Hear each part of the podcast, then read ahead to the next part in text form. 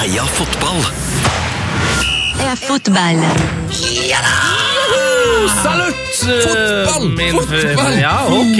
Foba. Fotball. Foba, foba, foba, foba, Vi fotball. eh, kommer rett fra Ålesund, selv om jeg snakker Molde-dialekt. Det er utrolig vanskelig å snakke eh, Ålesundsdialekt. Ålesund? Nei, Eh, Ål- nei, det ble ja, Kristiansund, det. Ja. Det ble Kristiansund, det.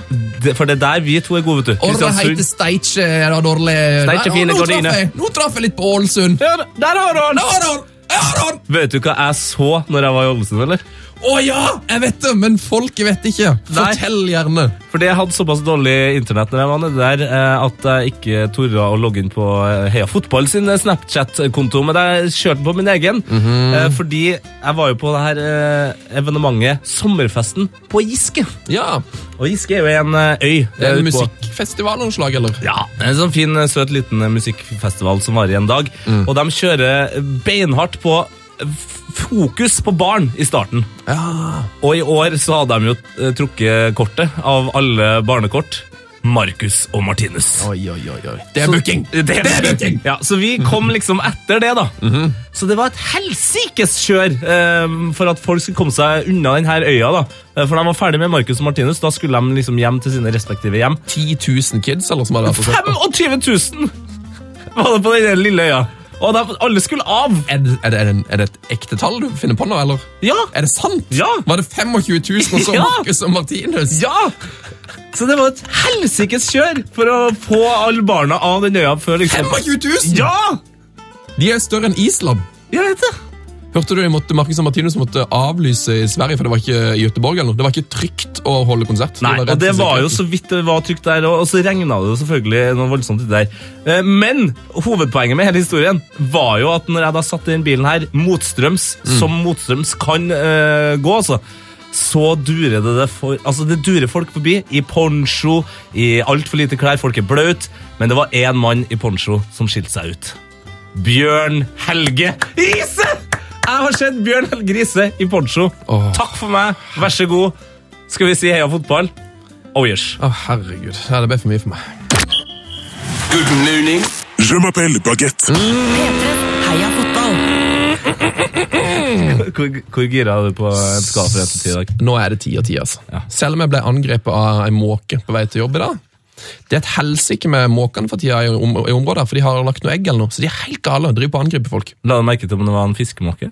Eh, det så ut som en god gammeldags vanlig fiskemåke, så jeg skjønner ikke hva de, De er de er de jo i ferd med å bli utrydda. Gjør det? Ja. Det kan ikke skje for fort at de blir det.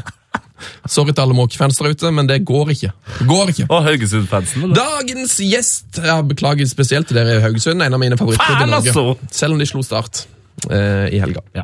Dagens gjest er litt av en type, en heia fotballklassiker rett og slett når det gjelder gjester. Han har jobba i TV 2, TV Norge, Max Eurosport og Discovery. Og han har jobba med Martin Ødegaard og med landslaget. Ikke nok med det, Tete Lidbom! Nei. Dagens gjest er ifølge Facebook Er du klar? Ja, jeg vet at det her skal være ganske stort. Han har altså studert utviklingsstudie med Universitetet i Oslo. Gått på Hartvig Nissen videregående. Vært hovmester ved Engelsviken bryggerestaurant og jobber med Rimi Majorstua! Ja, Jonas Berg Johnsen, velkommen til oss. For en historikk. Wow! Ja. Du har eh, altså gått på Hartvig Nissen, eh, Norges eh, akkurat nå eh, mest kjente skole. Det har vel kanskje blitt mer kjent enn Borgen eh, skole? Det er korrekt. Og den karakteren William er vel basert på meg. Den er det, ja! Ja da. Jeg var jo festsjef på videregående i tredje klasse der. Du var det, så de har på en måte valgt en høy, mørk fyr med et megastort eh, neseskaft, bare for at det ikke skulle liksom Bli for tydelig. Og så kaller de en annen rollefigur Jonas. Tenker jeg. Det er helt rått. Du har hovmestererfaring. Det er en stilig jobbtittel, syns jeg. Eh, ja, uh, jeg hadde ingen erfaring med restaurantbransjen i det hele tatt. Men um, så kom jeg på intervju nede på Engelsviken brygge der. Hvor, er, så hvor er Engelsviken brygge? Det ligger i Fredrikstad kommune. eh, Et sted mellom Larkollen og Hankø, på en måte. Hvis vi kan si det sånn. Veldig hyggelig lite sted. Bitte lite gammelt fiskesamfunn med um, verdens beste håndpilde reker. Plukka noen sånne gamle damer som satt uh, nedi uh, fjordkanten der. Ehm, og også en veldig kjent fiskesuppe på denne uh, sommerrestauranten, da, som det i all hovedsak er. Og så kommer jeg på intervju der på forsommeren og sier at jeg jobba på Rimi og sånn, og så sier hun ja. Du er jo så gammel, du er jo tross alt 22, så du kan være hovmester. Oh, ja! uh, og jeg visste jo verken noen ting om mat eller vin eller noe som helst, men um, ganske kjapt så fant jeg egentlig ut at det å være hovmester der nede på en litt sånn eh, smårabiat sommerrestaurant hvor det er hyr uhyre populært i sola mm, i fellesferien, hvor det fort kunne bli 50 meter kø, Um, barnefamilier og etc. etc. i sånn eh, ekstremt behov for å få i seg mat og næring og drikke, det er uh, ragnarok. Så folk hoppa over gjerder, sneik, uh, brukte albuer. Jeg ble til og med bestukket en gang av en sånn riking som kom inn på yacht med hele familien sin på tolv pers, og han ga meg 200 kroner i labben for at jeg skulle ordne han inn foran køen. Nei, nei, nei. Så det var, eh, det var eh, ganske eh, gladlagstilstander der nede på Engelsviken. Da er det godt å ha festsjeferfaring fra Hartvig Nissen. Definitivt. Anbefaler alle å dra en tur dit og spise. Så bra. Veldig ålreit. Vi skal snakke om uh, alle helgens kvartfinale i dag, skal se litt tilbake i tid. Uh, men først så må du nesten fortelle om din EM-reise. Du har jo vært uh, Heia Fotballs onkelreisende Mac på krykke i EM på Snapchat. Vi har kost oss voldsomt med dine oppdateringer fra det forjettede land. Ja, eh, det er hyggelig å høre. Eh, Ramla inn i en sånn svensk reiseleder eh, alter ego-variant der underveis, som jeg ikke helt vet hvor kom fra, men eh, det var eh, Ja, ja. ja. Ja, presis. Ja, presis. Ja, ja. Dypt nede i skånske der, og eh, så var vi jo innom eh, Vi tok et lite avbrekk innom landsbyen Tourette. Det er jo en hel haug av landsbyer i Sør-Frankrike som heter Tourette et eller annet, og det, mm, det bringer jo mye til torgs. Eh, men eh, jo, eh, forrige stund er at jeg har røket akillesen i femtedivisjon uh, og humper rundt på krykker og en sånn enorm månestøvel som ser ut som en slalåmstøvel, som er ganske upraktisk å gå i. Så jeg var jo litt spent på hvordan det skulle gå. Um, vi hadde billetter til Island-Ungarn i Marseille. Eh, fantastisk rart å gå der bare et par dager etter at engelskmennene og russerne hadde barka sammen. Eh, og se alle de stedene som eh, man hadde sett på disse slåssevideoene. Eh, Du var, var jo også kanskje et veldig lett bytte. Ja, så vi har diskutert en del sånn taktikker, da, hvordan vi skal gjøre det her. Og de tre kompisene mine som jeg dro med, er ingen sånn slåsseglad gjeng. Nei. Så vi ble egentlig enige om at hvis vi skulle bli angrepet av en bandittgjeng fra Russland eller noen engelske hooligans, så skulle jeg bare stå i veien så godt jeg kunne med krykkene, skulle de tre andre løpe. Det er jo eh, veldig nobelt gjort av deg. Ja, men jeg hadde jo ikke så mye altså hadde, Snittfarta mi er jo ikke spesielt høy nå. Når jeg når marsjfart, så er jeg kanskje oppe i en 8-12 km i timen. Så eh, jeg tenkte at det var like greit. Men nå, det var eh, kjemperolig. Islendingene var jo selvfølgelig bare glade og fantastiske, sånn som jeg lærte meg å kjenne. Ungarerne noen sånne svartskjorter fra Ferencvaros der som uh, gjorde alt de kunne for å fremstå som en sånn uh, midt 30-tallsmarsj i, uh, i Frankfurt eller Berlin. Eh, men de var jo for så vidt fredfulle, um, så det gikk greit. Og så var vi i Bordeaux, en fantastisk, fantastisk hyggelig bekjentskap. Veldig gøy by, og spanjoler og kroater i en sånn vanvittig fin miks. 40 000 folk, og det var ikke et ølglass som ble knust omtrent. Helt nydelig. Men spanske fans det la vi merke til når vi var i Frankrike. De er, de er så eh, glad i livet, de. Ja.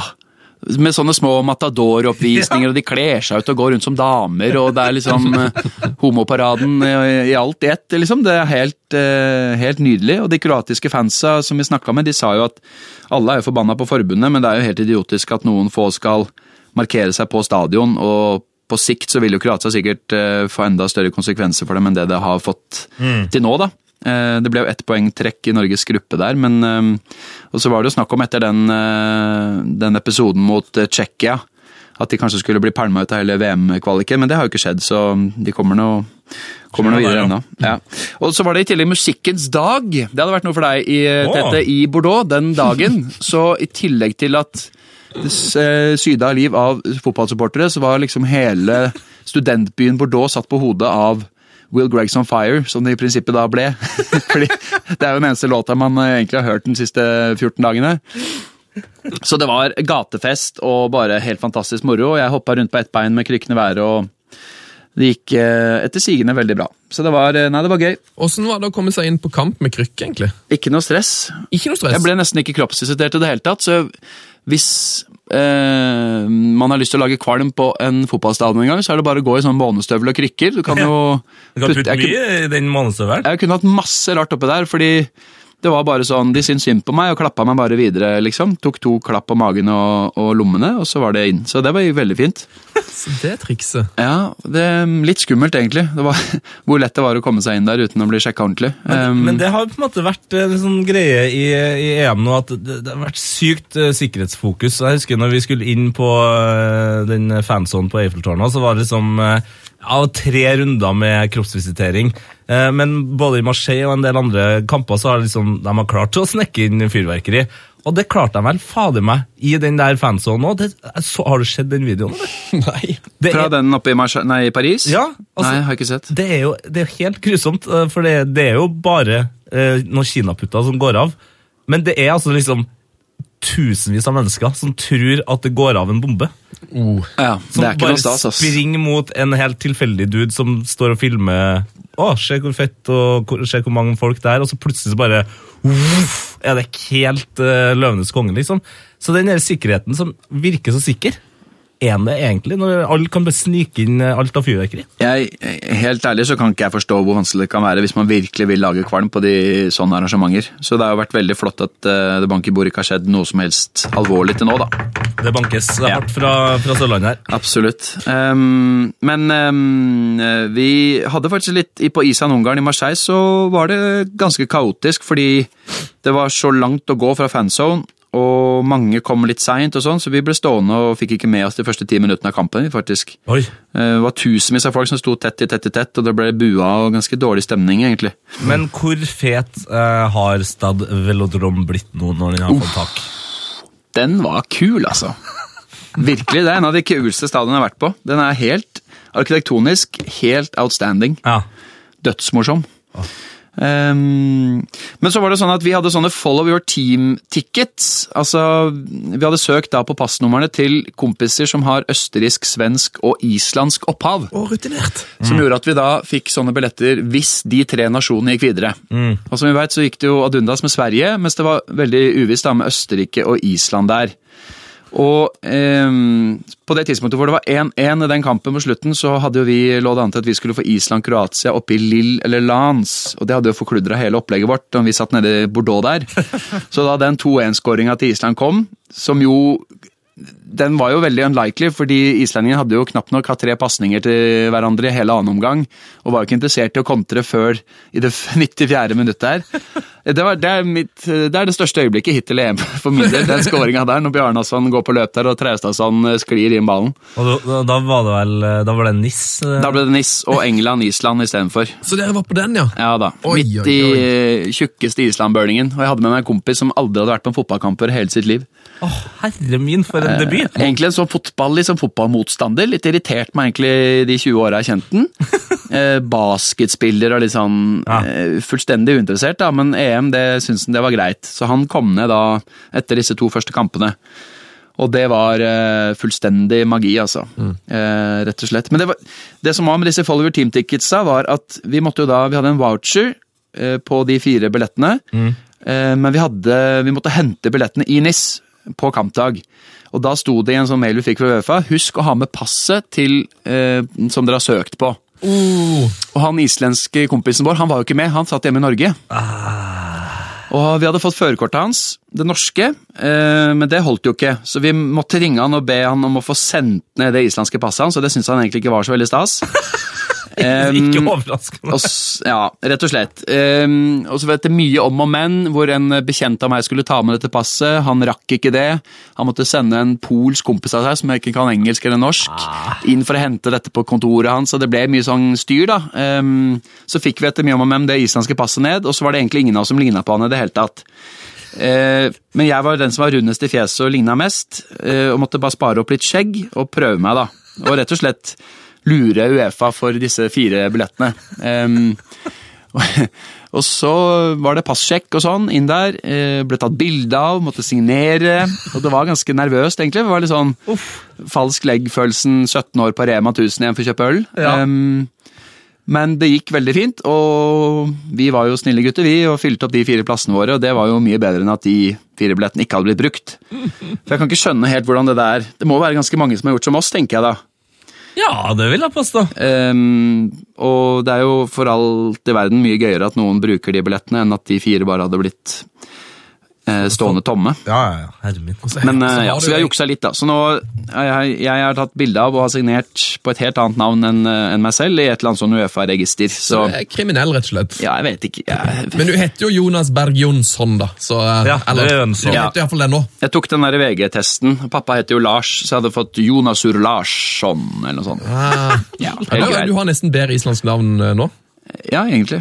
Jonas Bergjons. Bergjonsson. Ja, ja, Dokumentforfalskning, det er ikke verst. Nei, det er, jo, det er jo faktisk det på et eller annet nivå, men eh, det forholder jeg meg veldig rolig til. Jeg tror kanskje sånn innad Uefa så har de større problemer enn uh, litt uh... Ja, hvis vi skal gå etter i sømmene alle de eh, Jeg fry- frykta at jeg hadde hatt noe sånn fotogjenkjennelse altså Et eller annet sånn hinsides eh, Du veit jo aldri. Nei, ja, vi lever i overvåkningssamfunnet. Ja, men om, om, om fire år, når du skal ture ned til Russland for å oppleve noe greier her, så er er det Ja.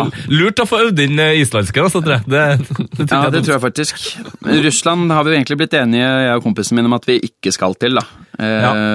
Det er jo litt kjipt, men eh, og kan endre seg selvfølgelig. I hvert fall hvis Norge skulle mot alle odds kvalifisere seg. Men eh, jeg tror kanskje at jeg står over. Jeg har sjøl òg begynt å forberede meg sånn, for vi var jo ned med jobb eh, i åtte dager i Frankrike, eh, og da er det på en måte naturlig at ok, neste mesterskap, eh, da kanskje det blir 16 dager, eller kanskje enda lenger. Men meg og min hudfarge har bestemt oss for at et studio her i, i, i Norge er mer enn nok under hele VM. altså det Ja, tenker det? Trenger ikke å dra til Russland, altså. Nei. Nei. Det er jævlig kjipt at det, sær- særlig du hvis du kjenner ekstra på det siden du har litt mørkere i huden enn oss. Eller forresten, jeg er ganske brun nå, så mm. Ja, mm. Ja. Men Hvis vi drar flere sammen, da, så kan vi jo Ah, ah. Meg er det eh, festsjefen fra Hartvig Nissen til Russland. ja. Kombinert med han reiselederen fra Indre Skåne. Ah, ah. Uff a meg. Ja, så du var på, Men eh, er der, eh, har du en liten story fra England og Island? Var det, liksom, var det så vilt som det, det så ut som? Å stå Eh, i den islandssvingen, da? Ja, det var eh, over all forventning. Ass. De holdt trøkket oppe i 90 samfulle minutter. Jeg var helt utslitt etterpå. Jeg kan ikke huske å ha vært på en kamp med en sånn jevn, kontinuerlig eh, flom av, av sang, og ikke minst de her fantastiske vikingropene. Eh, og på slutten, altså engelskmennene var jo, virka jo helt paralyserte, om det var av egne spillere som var så elendige, eller om de bare ble slått i bakken av hele det islandske svingen. De var, de, jeg hørte jo ikke en eneste engelsk låt i hele De sang nasjonalsangen, og det var liksom det. Eh, kjempetrist, egentlig. Men etter kampen, da, når Aron Gunnarsson kommer gående mot, eh, mot Islandsvingen Jeg ser han får blikkontakt med han fyren med tromma, som setter i gang disse her vikingstønnene. Og så blinker han lurt, og så kommer trommelyden, og så står alle spillerne og støtteapparatet der nede og klapper sammen. Det var, eh, det var helt enormt. Altså. Jeg fikk eh, forfrysninger bare av å tenke på det. Og det var jo da med Island, på en måte. Tenk bare hvis det hadde vært Norge. Jeg får bare mer og mer følelsen at jeg har så lyst til å oppleve Norge i mesterskap så fort som mulig. Altså. Som, bare som supporter. Ja, ikke sant? Men eh, du som da har stått i Islandsvingen, eh, det er jo mange som lurer på hemmeligheten bak eh, tellinga eh, på den her Ja, greia, for der sliter veldig mange nordmenn, eh, kanskje av helt åpenbare Det er ikke veldig mange som lurer på den tellinga til dette. Det er Å, jo, jo, jo, folk spør meg hele tida! Ja, men de gjør det! Men vi, da vi var på Island-Ungarn, så sto vi også midt i Island-hengen, men, men og Drom var på en måte litt større, og fansen sto mer spredt.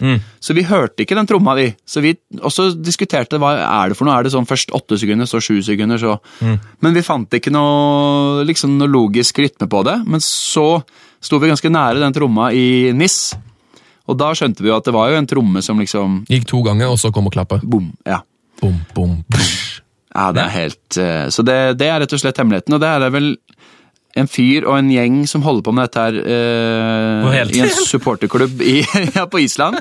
Som, eh, jeg husker ikke hvilken klubb, men som, eh, som holder på med det her også på den islandske serien da, for 300-400-500-600 tilskuere, og ikke 50 000-60 000. Ok, men vi, vi tester at etter du får klappe opp to korter, så kommer han. Vi prøver en gang. Og hendene over hodet. Ja!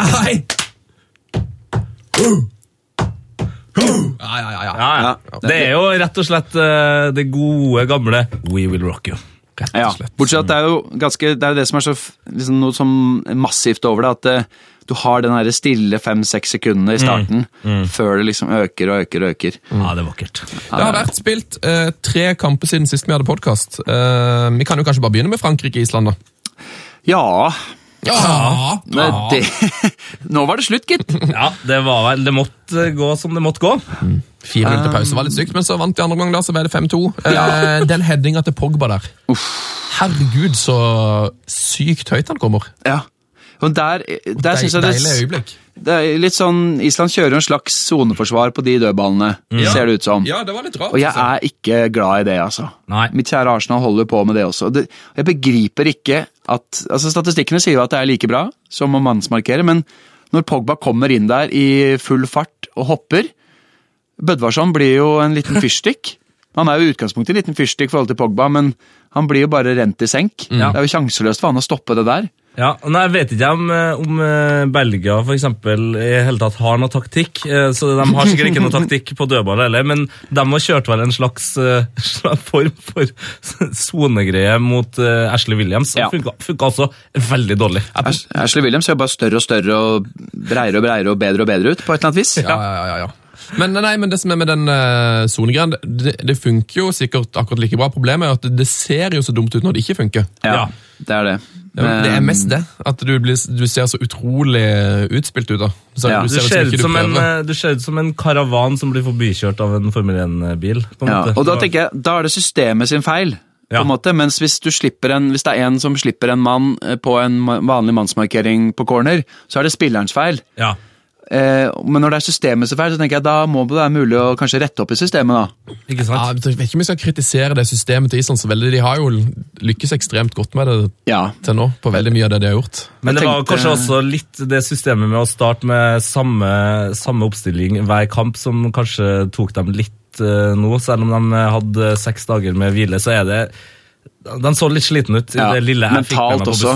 Ja, men, men det er jo, fotball er jo veldig styrt av tilfeldighet, og jeg syns faktisk at Island var ganske gode fram til målet, men så liksom, Mm. også skårte jo Frankrike på alt, føltes det som. Ja. Så det var, det, var, det var på en måte ikke Det var ikke en følelse ikke som en 4-0-kamp. Jeg syns Island var Overhodet ikke. jeg synes ikke Altså, de var helt skandale, selv om de ble veldig utspilt. jeg syns egentlig altså, Giroud skåra på sin første sjanse, øh, og så var det et hjørnespark med Pogba. Mm. Bortsett fra det hadde jo Island fire skudd på mål, som, eller, eh, og brukbare muligheter, men det ble litt sleiving og litt Egentlig mm, kunne jo de ha skåra først der.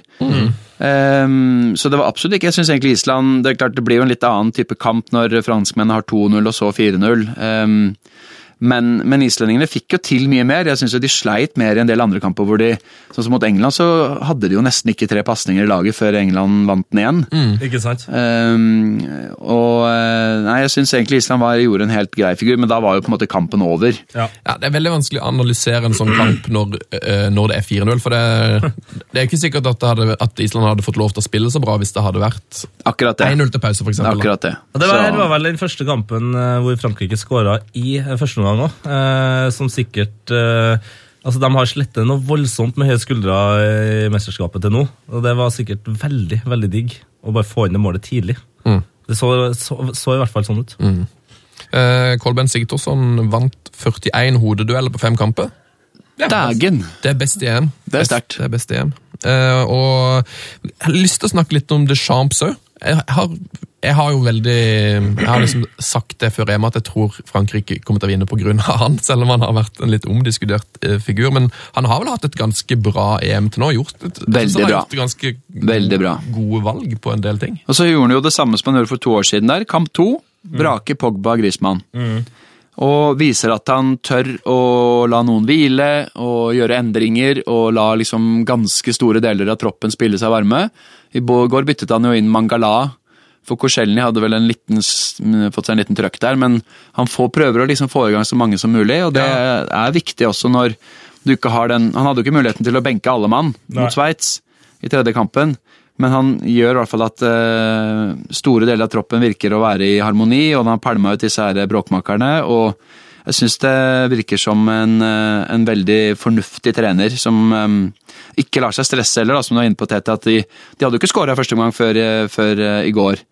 Allikevel så uh, gjør det enkle grep. Gjør et bytte i pause mot Irland, som jo funker kjempebra. Altså, uh, absolutt vis det som skal til, da. Og nå blir det jo uhyre spennende i, i semifinalen mot Tyskland, som har hatt en tøff vei, tøff vei med den kampen mot Italia. Mm. Vi kan ta den òg, da. Italia-Tyskland. Oh.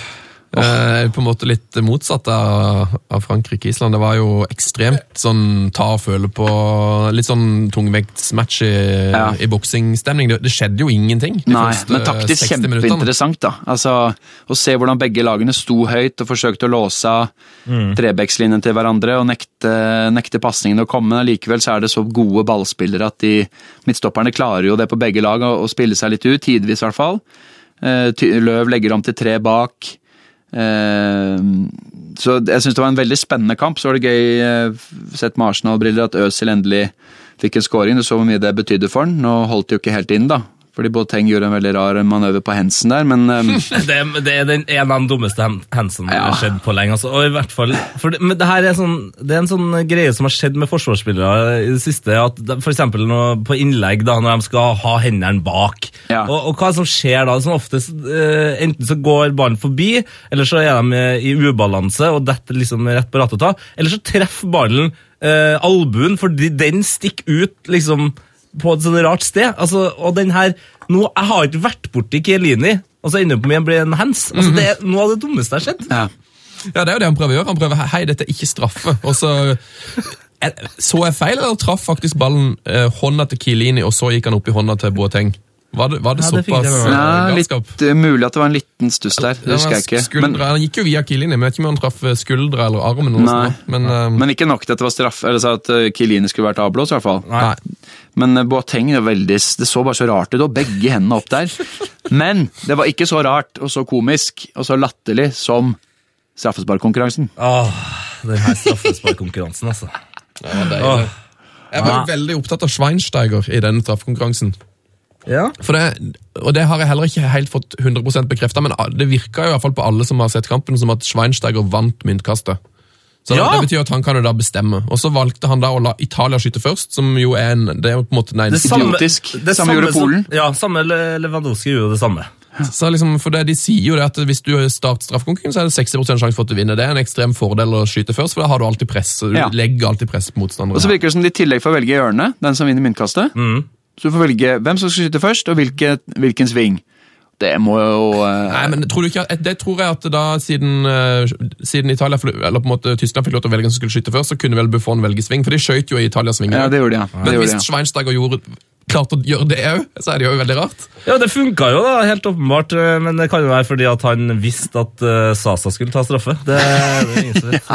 Og så Det er aldri smart! Nei, og så er det 120. Nei, og så er det jo kjempeartig. Det, her, det er også en veldig fin statistikk at uh, stjernespillere er de som bommer mest på straffekonk. Ja. Og, og Tyskland sine bom, altså Øsil, Müller og Schweinsteiger altså, Det er liksom Det er dem som skal gjøre det. da. Ja. Og så ba- selvfølgelig, Jeg satt uh, i et musikkstudio da, og så denne kampen. Det var 50-50 med Italia-Tyskland-fans der. Og det satt en stakkar Arsenal-fan eh, Jonas, uh, uh, foran meg og ropte altså Når han så at Øzil skulle ta den straffen altså Han, han bantes noe så voldsomt på Ja, ja, ja. Der. Og han måtte jo selvfølgelig bomme. Ja, Øsil må bare slutte. Det er litt sånn som Bergkamp tok jo ingen straffer etter den missen i semifinalen i FA-cupen mot United i omkampen her i 99.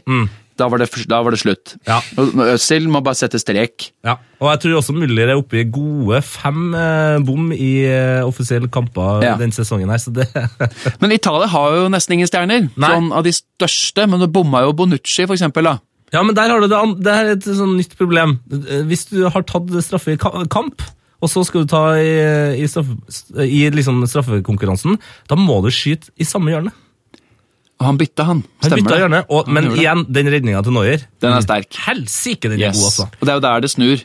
Ja, og så ender det da, dessverre, som eh, på, på en måte synes jeg det er veldig nobelt av eh, alle media og alt sånn, at de ikke har påpekt det veldig, men Buffon skulle ha tatt den siste straffen der. Han skulle det. Han hopper litt sånn rart, litt opp. Ja, Ja, men det er, på- Straffen er for dårlig, rett og slett. det er det. For Han, han har sikkert bestemt seg for at uh, ok, jeg tror han går, så går han skikkelig hardt for å gjøre noe, han kommer helt med stolpen, men så går jo straffen nesten midt i mål. Så han må liksom Det, det er liksom vanskelig å redde ham for, for, for, rett og slett for dårlig. Ja, men det er utrolig digg å se at, eh, at et eh, europeisk mesterskap kan levere nesten opp til Afrika, Afrikamesterskapet i straffekonkspenning, fordi der har Afrikamesterskapet levert mye bedre i alle de år, egentlig. Men har du sett statistikken for straffesparkkonkurranse og kvartfinaler i EM-sluttspill-historien? Nei. Eh, Jeg tok en sånn quiz på eh, det var The Guardian eller en eller annen av disse engelske nettstedene, hvor det spørsmålet var hvor mange eh, prosent av kvartfinalene i EM siden man begynte med straffespark, har blitt avgjort på straffespark. Mm. Hvor mange tror dere? Sikkert 5-60 prosent. Ja. Ja, ok, ja, det var jo voldsomt, da, men svaret var 37 Ja, det er mye. Ehm, og um, det vil jo si fire av ti, da. Mm. Og det er jo enorme tall. Og nå nå var det jo to av Nå var det 50% i dette mesterskapet, så snittet har jo økt litt. Ja. Det er jo fire av ti går til straffekonk. Mm. Det er, jeg syns det er helt enorme tall, jeg. Ja, Det- det, det er- er nesten, nesten fem av ti, da. Ja, det er Ja. veldig spesielt, og, og det virker for meg fortsatt som om det liksom ikke øves nok. Eh, verken eh, på selve sparket og liksom det mentale. Eh, sånn som for eksempel eh, det hysteriske greiene til Sveits. Der de liksom går ut og sier Ja. at uh, vi har øvd på straffespark i går, uh, og vi traff, bomma, nei, traff på alle. Så ja, bare straffekonk, eh, null problem. Jeg, jeg, jeg liker faktisk den manøveren der litt. Det var sånn som, uh, Hvem var det som tok fram en Mac på sidelinja? Det var Tyskland. Ja. Og da, det, Du gjør noe med det der psykiske. Det må være kjipt å så skal stille seg opp og ta straffe mot Manuel Neuer, og så vet du at han satt og kikka på de, dine forrige fem straffer på en Mac. Yes, og der. Yes, og det tenker jeg, eh, for det overraska meg litt i, det, i de konkene vi har hatt hittil. Jens Lehmann i VM 06 mot Argentina, i kvartfinalen var det vel. Eh, Da tyskerne slo ut eh, Argentina, og Lehmann hadde vel to eller tre redninger og var nære alle sammen. Han gikk jo riktig på alle straffene sitt, jeg husker. Ja, ja. Han hadde jo det i sokken, papirlappen.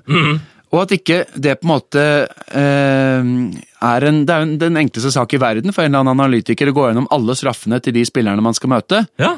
Og så får man bare se hvem som skal skyte deg, det veit man jo ikke helt. Men det, når de fem navnene kommer, så er det jo bare å rett opp med Jeg vet ikke hva, hva slags statistikk tyskeren hadde på den Mac-en, men ehm, det var vel sikkert noe som iallfall gjaldt Noyer? ja, ikke sant? Ja, Eller kanskje det bare var en, et tomt ark, og så var det kun et uh, spill for galleri. Men det er jo uansett et, et ubehagelig triks som Ja, og- gjør noe Det er, det er noe Ja, og for, krigføring, Forskjellen var jo stor. Eh, altså Noyer satt der og, og så på eventuelle videoer eller eh, stats, mens Conte tok seg en eh, kjapp gange, powerwalk som han bruker å gjøre, kyssa Buffon i panna, eh, og så sendte han av gårde. Det var liksom, det var Italias taktikk.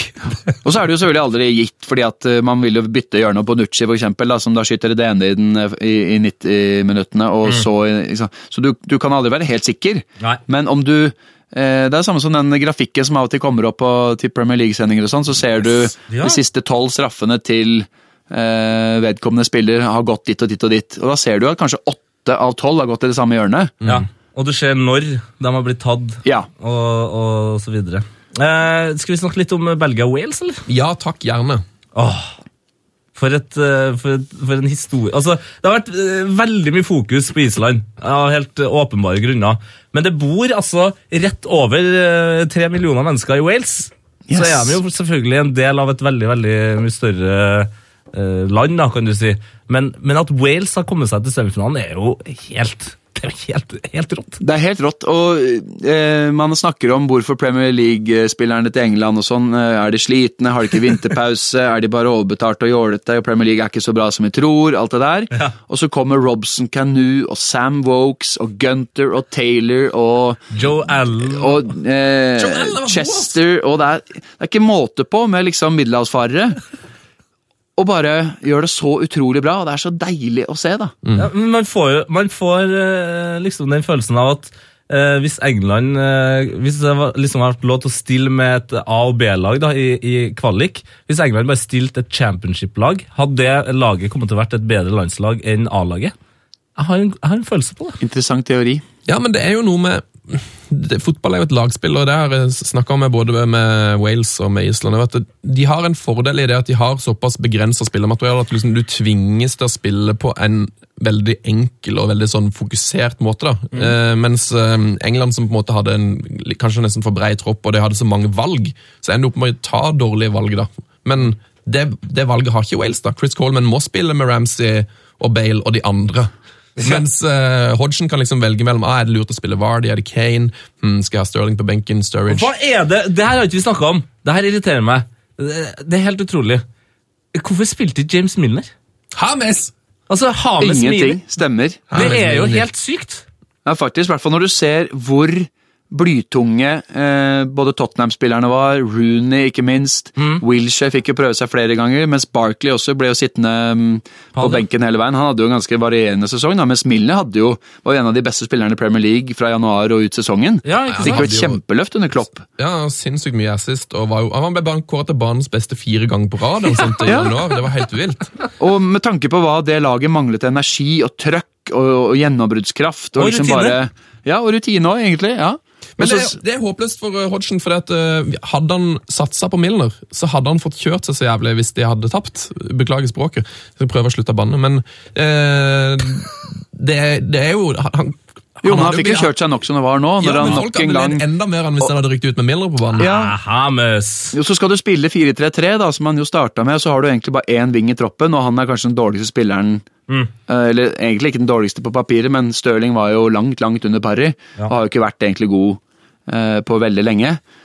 Um, men da blir det også litt rart å skulle spille en slags 4-3-3, da. Mm. Selv om eh, Lalana jo har spilt den rollen i Liverpool og gjort det bra under Klopp, så, så funka det jo ikke så bra um, for England, så nei, det der eh, Nei, Roy Hodgson, hva tror vi om det avskjedsbrevet? da? Skrev han det i garderoben, eller? Nei, det tror jeg nok var skrevet i mai. eller noe Ja, sånt. så. tror jeg kanskje var skrevet i mai. Og det der irriterer meg så grusomt òg. Etter eh, at de røyk ut. Du har ikke hørt fra nesten en eneste engelsk spiller. Joe Hart var vel ute og prata litt, og så var det én til. Mm. Eller så har det vært beskytta, beskytta, beskytta. Chris Smalling har eh, lagt lyd.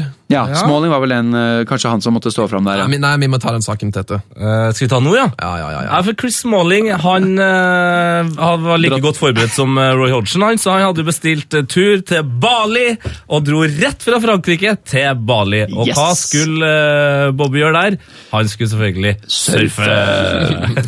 Eller skulle han det? det? Det er en veldig rar sak. Det, da, det går, først så kom det ut snakk om at han har havna på sykehus etter en surfeulykke. Mm, Og det er et veldig fint bilde, fordi han ligger da så eh, Visstnok så så er det han som ligger der med ganske mye bandasje og noen nakkestøtte og greier, og si signerer en United-drakt. Yes. I, I sykehussenga. Det syns jeg er fint.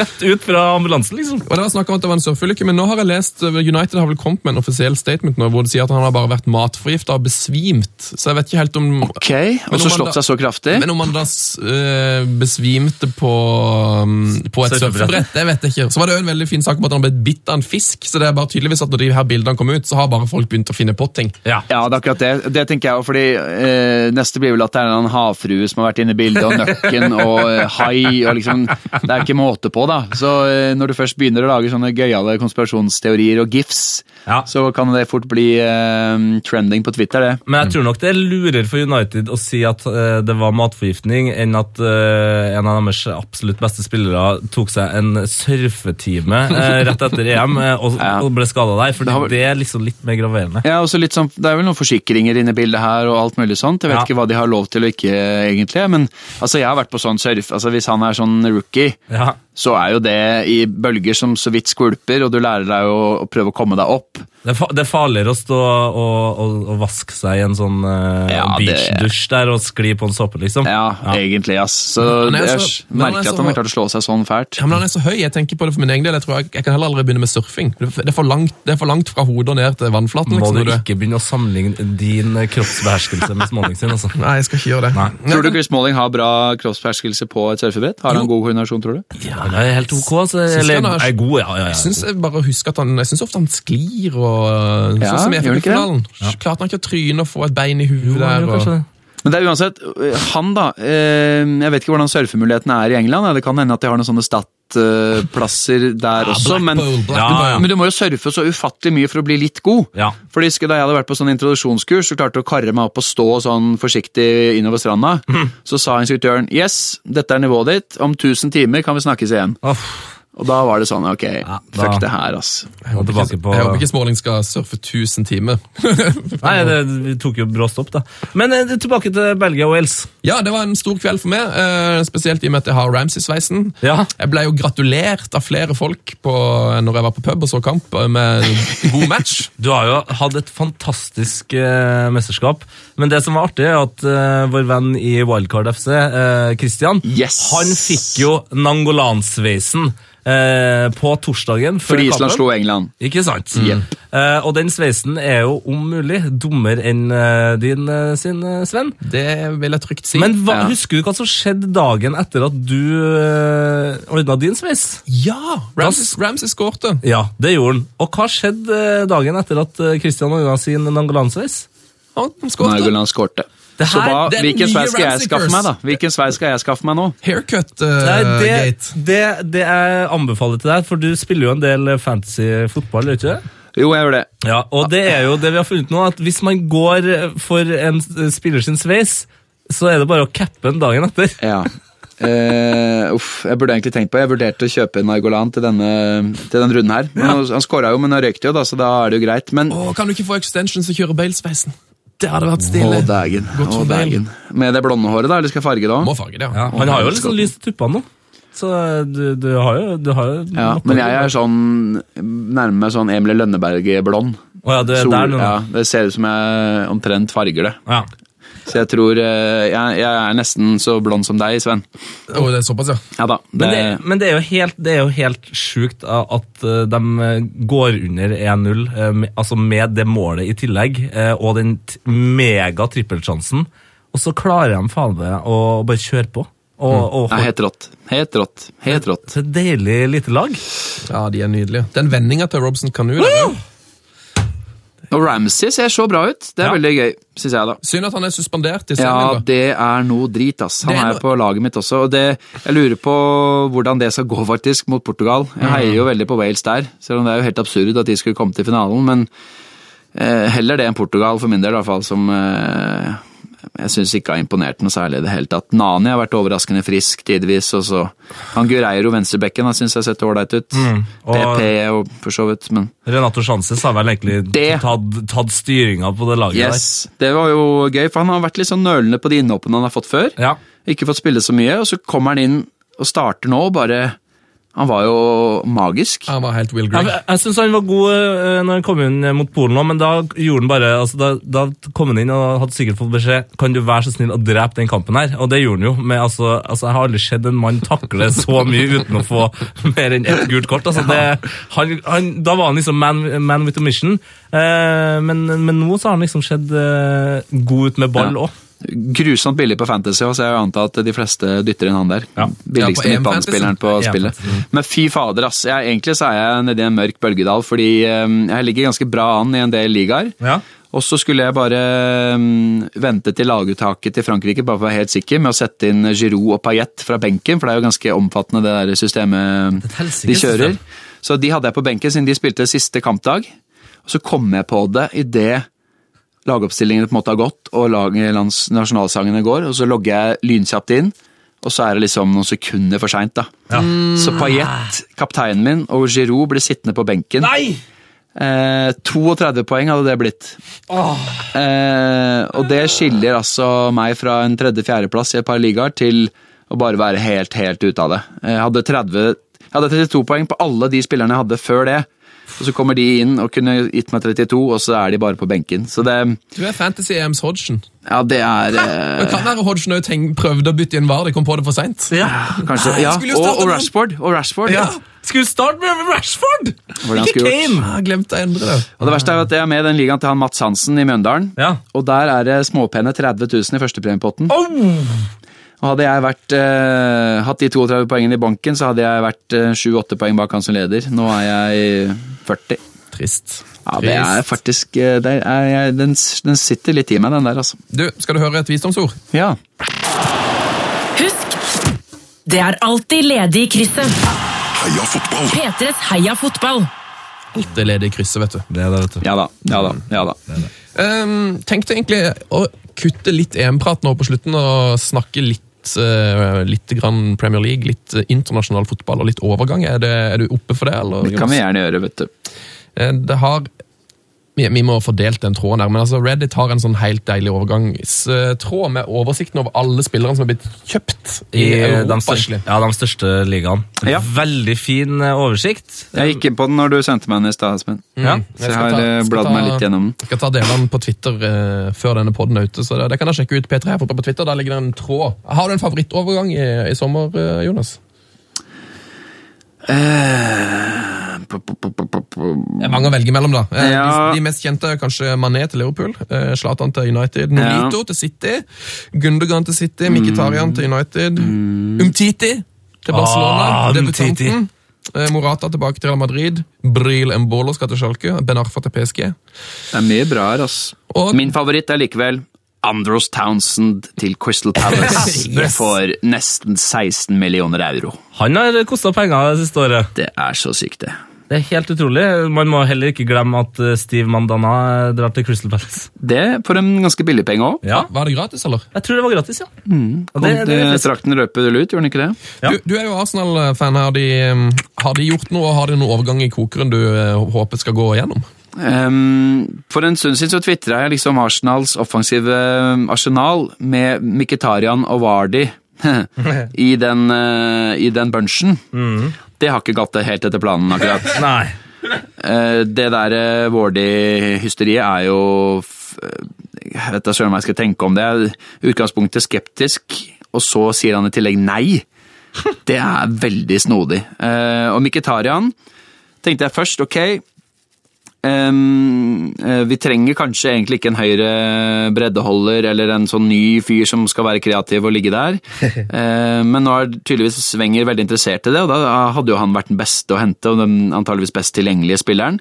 Og så kommer søren meg Mourinho og tar innersvingen, vet du, så den, tro, altså den der eh, rekka til United nå, den ser ganske gøyal ut, ass. Jeg Men må du, si det. du hadde ikke eh, Takuma Asano på lista di, altså? Nei, det hadde jeg ikke. Nei, det hadde ikke det. Ny Inichi Inamoto. ja, det, det. Eh, han solgte jo ut eh, draktovergangen han på løpet av bare noen eh, måneder, så det, det går vel eh, samme vei med han Asano. Ja. En ny japansk spiss til Arsenal? Ja. Det der fra Sanfres, eller Sanfrek Hishorima. 21 år. Jeg tipper at han kommer til å få ett innhopp i Premier League, to kamper i IA-cupen, og så forsvinner han ut på lån etter en sesong, og så blir han borte. ja.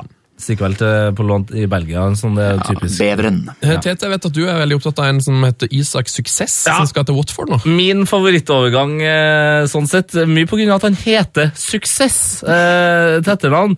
Men så måtte jeg jo søke om han der gutten da, som er 20 år, eh, fra Nigeria. Eh, og han starta sin karriere i den noget spesiell eh, titulerte klubben BJ Foundation. Smak litt på det. Interessant. Kommer fra Granada for en høvelig sum penger. Ja, det er ganske mye penger! Sånn. Ja, men det, er- altså, de, de her Det er nesten bare Tottenham som klarer å holde prisene nede, ellers så er det bare galskap.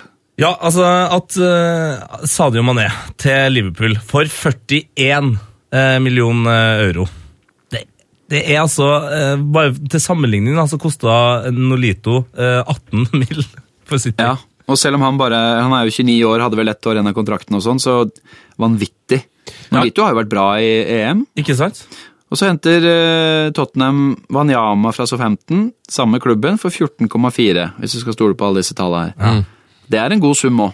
Ja, det er en kjempe... Ja, Men er Wanyama god nok for, uh, for å forsterke Tottenham? Ja, det er det. Jeg tenker litt sånn på, Skal han spille ved siden av Dyer i enkelte kamper, eller skal han være et alternativ, eller skal han Han er, han er jo en eh, veldig, veldig god uh, ersta, altså bare troppfyll, uh, som gjør at Ryan Mason kan Ja. finne på andre ting enn å komme inn. Ja, det er så, sant. Som uh, Spurs-supporter så er jeg jo veldig fornøyd med den overgangen. Ok, du har troa.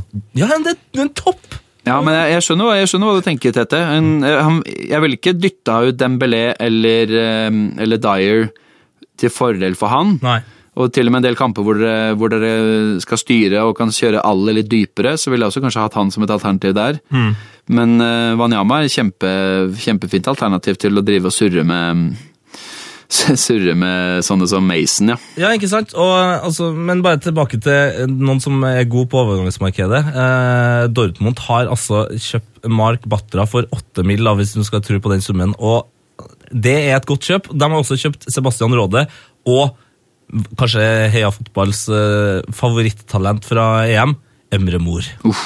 18 år gamle Emre Mor! Det er kanskje min favorittovergang eh, i, i hele sommer. altså. Han, eh, nå, nå har jeg sett Emre Mor ekstremt lite, men han var så sykt god i noen av de, det ene innhoppet han hadde i, i EM. Ja.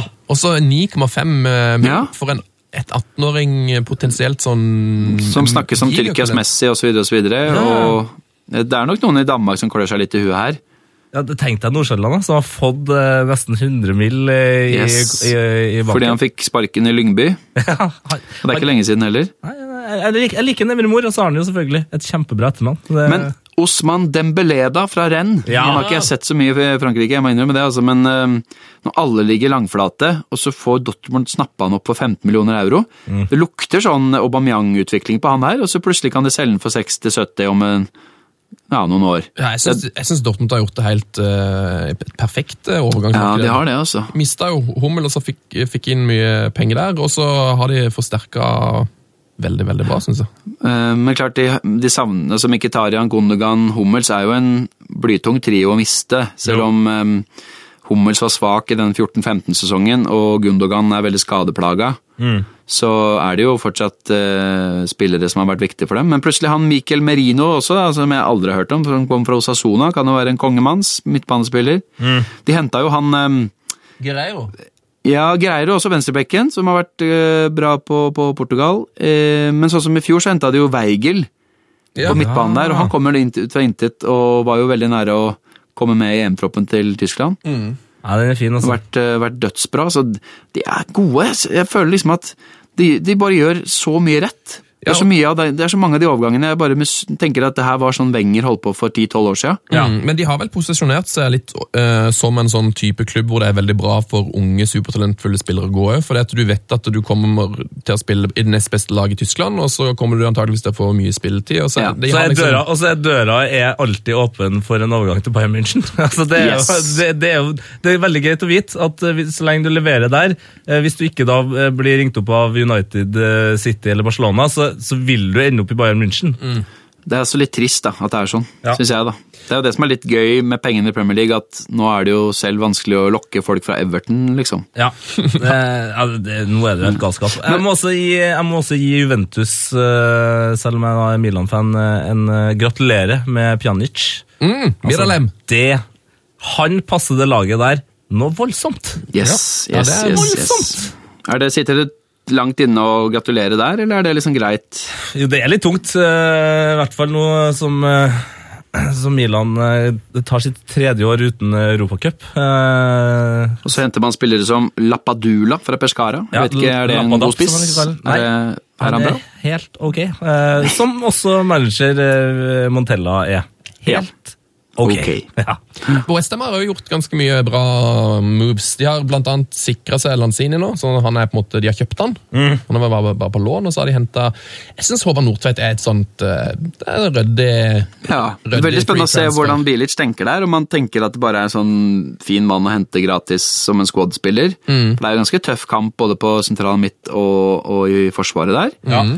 Men en uh, veldig kul uh, mulighet for Nordtveit, selv om uh, Gladbach sikkert jo er jo en minst like bra klubb. Så har han jo vært der i veldig mange år nå. Og det er jo noe med det å få prøvd seg litt i guttedrømmen i Premier League. Mm. Uansett. ja, Så får han jo spille sammen med Sofiane Fegoli, eh, som også har kommet gratis fra Valencia. Som er altså Han var, var vel regna som kanskje Algeries beste spiller i VM. Yes, yes. Så Den det er spennende. noe- spennende. det kan, Den det er spennende. kan være kjempebra. ja, han, Og han har jo spilt i en eh, klubb som eh, altså har vært altså, Hva skal man kalle det Valencia har vært Ja. det siste året? Det er jo helt Krise. krise! Men Man United òg begynner å ligne nå, altså. Ja, eh, vi kan Ja, jo Hvor ta fornøyd er du? Vi kan ta det til Sven? Jeg er jo veldig, veldig veldig, veldig fornøyd med at Zlatan kommer til United. Men jeg- som jeg har sagt før, det hadde nesten vært lettere på en måte. For jeg har hatt så lyst til å se ham i Premier League. Det er Ja. det som blir så. Nå får vi sett 40 kamper med, med Zlatan denne sesongen som på en måte i, i, i sitt rette element i den, i den ene ligaen han ikke har vært i. Ja. Um, så det, det blir gøy, men det hadde nesten vært lettere hvis han hadde gått til Chelsea. For da hadde det vært Hvis han, nå, hvis han liksom ikke får det til, hvis det feiler litt, så hadde det vært lettere å takle det i en annen klubb. da.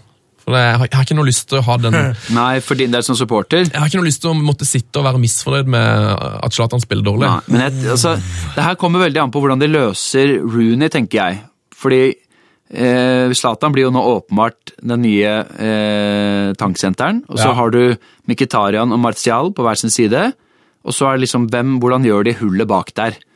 Eller eventuelt kan du jo kjøre Mkhitaryan i midten, for så vidt. Ja. Um, men jeg syns at Rooney er det store nøkkelen. Om han får om Mourinho får han til å fungere optimalt, enten dypere i banen, hvor det går litt saktere, men han kan tre ball, stre, strø baller og sånn, eller om han skal ligge liksom bak Zlatan, eller hvordan det der skal se ut. da. Jeg vet ikke Hva, du, hva tenker du, Sven? Nei, jeg er helt enig. Jeg har jo en, en periode rundt nyttår så syns jeg Rooney var så dårlig at jeg håpet han gikk til Kina. Og jeg tror, Ja, ikke sant? Men jeg tror jo det kunne nesten vært en fordel for United at han på en måte takka for seg og gikk til et eller annet PSG eller Kina eller bare Eller Los Angeles, eller hva som helst. et eller annet. For han er jo et, han er liksom problematisk spiller i og med at han på en måte må spille og er kapteinen. og Ja, det er det. Men nå er jeg ikke den eneste som tjener 250 000 i uka, da. eh, Det er jo godt. For det, Men, delt den byrden. Men det Tippes som, at han har mer. ja, nei, ja, det- det- Ryktene skal vel si at de har sikkert i utgangspunktet like mye, men som du sier, Zlatan har nok mer. Eh, Det er jo, alt det her er så, det er jo så mye sånn bilderettigheter og Ja, drit og møkk. ja. og det er... Men det som er rart, det er jo når man da skal se på den lagoppstillingen her, og gitt at Depay fortsatt eh, er i klubben, så er det sånn du har Marcial Martial, da, som han har vært nummer ni på ryggen, det? Mm. Og så har da Depay sju, og så står Zlatan i midten der med åtte. Eh, Det, det, det, det irriterer meg. Har han fått åtte, såpass, ja, såpass puristisk er jeg, altså. Ok, det Ja. er åtte feil, liksom? Ja, altså, han tar over tallet fra Mata, som da med andre ord er Ja, igjen uh, Mourinho, bam, bam. Ja. Nei, det irriterer meg. Okay. Jeg skulle ha sett den i sju, ti eller ni. ja, riktig. Men tieren er jo Roonies, Ja. så den er jo urokkelig også. Ja, ikke sant? Det, nei, det irriterer meg. Ja, jeg skjønner. Men det er i hvert fall duket for Altså, det har jo blitt like vann i munnen-aktig som man kunne drømme om denne sommeren foreløpig, med tanke på hva United nå har satt i gang, og, og delvis City. Venter vel litt på Chelsea. Ja. Veldig spent på hva, hvor mye fokus Conte har hatt, og hvor mye instruksjoner han har til hvem de skal hente osv. For der er det jo veldig rolig foreløpig, da. De har jo kjøpt han der Bachuai, eh, som er mer, Michi. Ja. Som er en slags ba, ba, Bachuay, ba, ba, Veldig musikalsk eh, overgang. Ja, et vakkert navn. Eh, men eh, Fra Marseille. Ryktene nå det, det her, De her ryktene syns jeg er fine, og med tanke på hvor mye eh, Southampton er ute for å tjene penger, så er jo ikke det så dumt. Men eh, Conte elsker jo Pelle. Mm, Ja. Og Diego Costa, Diego Costa er vel eh, nesten på vei til Atletico Madrid igjen. Så, Ja, så, fordi hvis han Pelle pælmer han, så kanskje det kan være ro. Altså, Conte har jo spilt mye 3-5-2 i Ventus, og alle tenker at det på en måte er hans eh, eh, foretrukne formasjon, men det er jo litt fordi han har hatt det vanvittige utvalget av stoppere, Mm. og det har på en måte fungert så bra. Men han, det er jo 4-4-2 han egentlig har spilt mest. ja. Og eh, da kan jo Pelle for eksempel hadde vært eh, en interessant signing, det. For han, han, han var meg imponert eh, i EM med jobbinga si osv. Han, han eh, ser jo så flott ut. Jeg vet ikke om han tenker at han er bedre enn han er, for han svir jo en del sjanser og Men han- har jo han hatt har veldig lange perioder som, i som- ja. Som har vært litt sånn Ja, men han har liksom hatt den jobbinga som de, jeg tror de trodde de fikk med Diego Costa. Ja. Eh, som på en måte ble litt latere eh, tvert da han kom til Chelsea. Ja, ja. Eh, for han, han hadde, Det var også greia med Diego Costa i Atletico Madrid. Det var bare sånn ah, vi faen, Tankspiss som jobber beinhardt, liksom. Ja, Han skal få på seg noen gulkort og sånn, mens Pelle i EM nå har jo vært helt Altså, Han har jo markert ut Busquets. ja. Og forsøkte vel delvis det samme nå mot Tyskland med, med å ta Kroos. ja. Så um, Nei, det, vi får se. Men de må jo ha noe mer. Ja, De vi har jo ikke forsvarsspillere, nesten. Nei, men Bonucci eh, hadde jo vært gøy. Og så Ja, tror jeg jo at de fire lagene som er igjen her nå, Det er jo ingen av de spillerne som kommer til å bevege seg på seg før de er ute. Så der er jo en del franske spillere som sikkert eh, det vil Pogba. kriges Pogba. litt om. Ja. Pogba.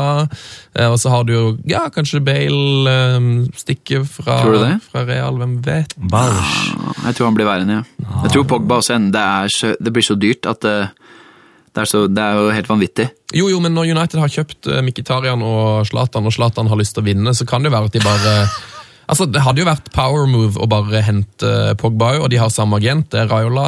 Eh, mye, Ja, det er det er definitivt. veldig mye snakk om sånn eh, Ja ja om, om agentmakt, så det spørs vel om eh, Så det, det her er helt åpenbart din eh, drømmeovergang. Min drømmeovergang er jo selvfølgelig hvis man får eh, Pogba.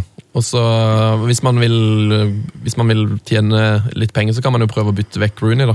Rooney mot Pogba. Ja, men, også eh, 40 mill. imellom. Eller 60, eller 80. Ja, jo, jo. Ja, ja. Hva er drømmeovergangen for Arsenal-mannen, da? Uff a meg. Jeg vet da søren, jeg. Altså, Der er du god. Det er, så, er god. det er så klassisk. Man, uh, Granit Xhaka, kjempesignering. Veldig fornøyd med den. Eh, og så er dette med spissjakt. Ja. Nå har Wenger innsett helt siden Giroux første sesong at han ikke er god nok. Han har prøvd seg på Benzema, det har vært Runerik til Suárez, Morata, Higuain. Eh, Wardy Ja. som jeg tror Wenger egentlig mest Han er jo så ute etter bargains at eh, 20 millioner i utkjøpsklausul ble, litt for, eh, ble bare litt for fristende. Og så blir, får han jo ryggen der. Og så ryktes det jo egentlig enda mer egentlig om sånne høyere forwards, eller en slags ja, som kan, kan spille på motsatt side av Alexis, da, men jeg mener fortsatt at det aller viktigste er jo bare å få en spiss som kan dunke inn så mye flere mål, og som ikke trenger så mange sjanser som Giroud gjør. da. Nei, Selv om. Giroud skåra over 20 mål i år, og sånn, så, så går han 18 kamper uten å skåre eh, i den viktigste fasen av sesongen. Eh, og så I tillegg trenger man en midtstopper, et beist. Eh, I Villarreal så klør de seg jo enda i huet over den eh, summen de fikk av Arsenal for Gabriel, og han, han eh, har hatt litt tid nå til å på en måte vokse, og jeg syns det ser veldig uferdig ut ennå. Mertesacker trøbler jo mer og mer med fart og, og timing og det hele tatt. Eh, Men så er det, hvem, hvilke midtstoppere er det, da? Hummels har jo gått. Umtiti gikk til Barcelona nå.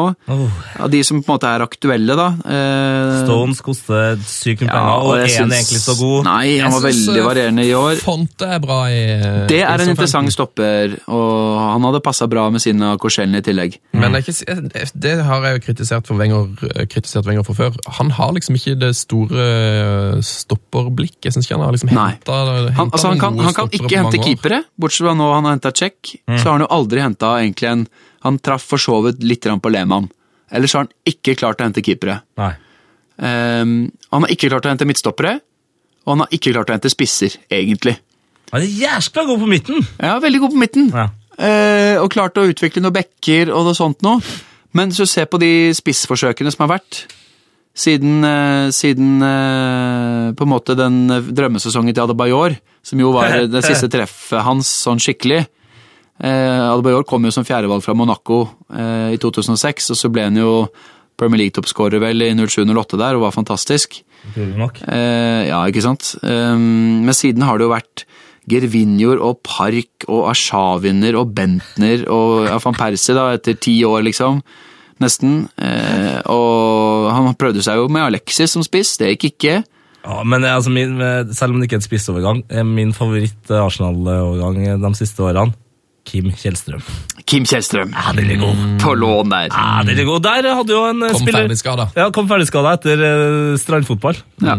Men jeg tror altså eh, Gå for, uh, gå for Higuain, da. 28 år fortsatt, bare. Jo da, jo da. Men nå har han jo bare økt prisen sin noe voldsomt da, fra da Wenger trakk seg for eh, to-tre år siden. Så det er jo og så Altså- liksom Det ryktes om Morata. Nå har jo Real Madrid vel fullført den tilbakekjøpsklausulen. Yes, Ja. så Det betyr jo at 30 millioner eh, euro. Morata eller Benzema blir jo å bli droppa i Real Madrid. Skulle tro det. Ja, og Da koster jo Morata minst eh, 400 Minst 40, mil, da. minst 40 millioner euro, ja. tipper jeg. Kanskje 50. Men det koster å ha det gøy. Ja, det det. Men Wenger er jo, han er jo så prinsippfast. Han vil ikke kjøpe spillere fra Mendes, agenten, og så vil han ikke kjøpe spillere han mener koster et øre mer enn han prissetter dem til. Hvem skal, hvem skal kjøpe Dimitri Payet, da? Han kommer, kommer kan jo ikke spille i Westham hvis han blir kåra til EMs EMs beste spiller. ja. Uff. Nei, men det er jo livsfarlig. Han kommer til å gå på, Hvis han, gjør det, hvis han går nå, så går han på Hames Rodriguez-smell. Eh, og bare forsvinner ut i en slags eh, Ja. pengedans. eh, drar til Real Madrid og ender opp i PSG. Jeg vet ikke hvor han skulle dratt, jeg. Altså, PSG, da, sikkert. ja, kanskje. Men hjem til Frankrike allerede, da. Et én sesong i Premier League. Ja, Det er tungt, selvfølgelig, men eh, tenk deg Hames Rodriguez og Paillet på midten eh, der. Oh. Gutta boys, vi har eh, løpt tom for tid. Vi har snakket Nei! sammen i over en time. Nei, nei, nei! Du får komme tilbake igjen til høsten og snakke mer Premier League, eh, Jonas. Det kan vi gjøre, vet du. Og så må du ha lykke til med Har, har du krykkene der, eller? Jeg har krykkene, ja. Kan vi bare høre dem på vei ut her? Et sekund her. Bare slipp de. Drop the mic, som de sier. Yes. Der, ja. Hvor, hvor lenge skal du gå med dem her? Um, nå skal jeg ha denne månestøvelen på i tre uker til, og så skal jeg gå i krykker et par uker til etter det. Og så blir det sånn kjedelig opptrening ut året, og så litt fotballsparking kanskje på nyåret. Så det er en eh, seig prosess. Og så er det så deilig, sånn som jeg kom fra fysioterapeuten nå og skulle rekke bussen. Ser bussjåføren i øynene, har litt dårlig tid, han kommer svingende inn på perrongen. Jeg løper liksom så godt jeg kan med krykkene. Idet jeg liksom er tre meter unna, lukker dørene og blinker ut. Det, er liksom, det er ikke noe medlidenhet å få. Nei, de, men de er is, altså bussjåfører de er trent opp til å være iskalde. Jeg tror det. Det er, en egen, eh, det er, eh, det er noe du lærer. Jeg tror, jeg tror kanskje de går den samme skolen som eh, parkeringsvakter. faktisk. Antageligvis. antageligvis. Eller tystere, som jeg kaller dem. Men uh, Sven sa vi var ferdig, Tette. Ja, sorry. Jeg vil bare, jeg vil bare snakke litt om tystere. Ja, det er greit. Adjøs, god helg, uh, fint EM og heia fotball. Hei og hå! Frank de Boer speelt de bal. Heel goed naar Dennis Bergkamp. Dennis Bergkamp. Dennis Bergkamp neemt de bal aan. Dennis Bergkamp. Dennis Bergkamp. Dennis Bergkamp. Dennis Bergkamp. Dennis Bergkamp. Oh! Frank de Boer speelt Bergkamp. Die neemt de bal feilloos aan. En ik schiet de bal erin. We spelen nog officieel 20 seconden. Dennis Bergkamp. P3s Heia fotball. Ny episode hver fredag. Last ned din nye favorittpodkast på p3.no podkast. P3.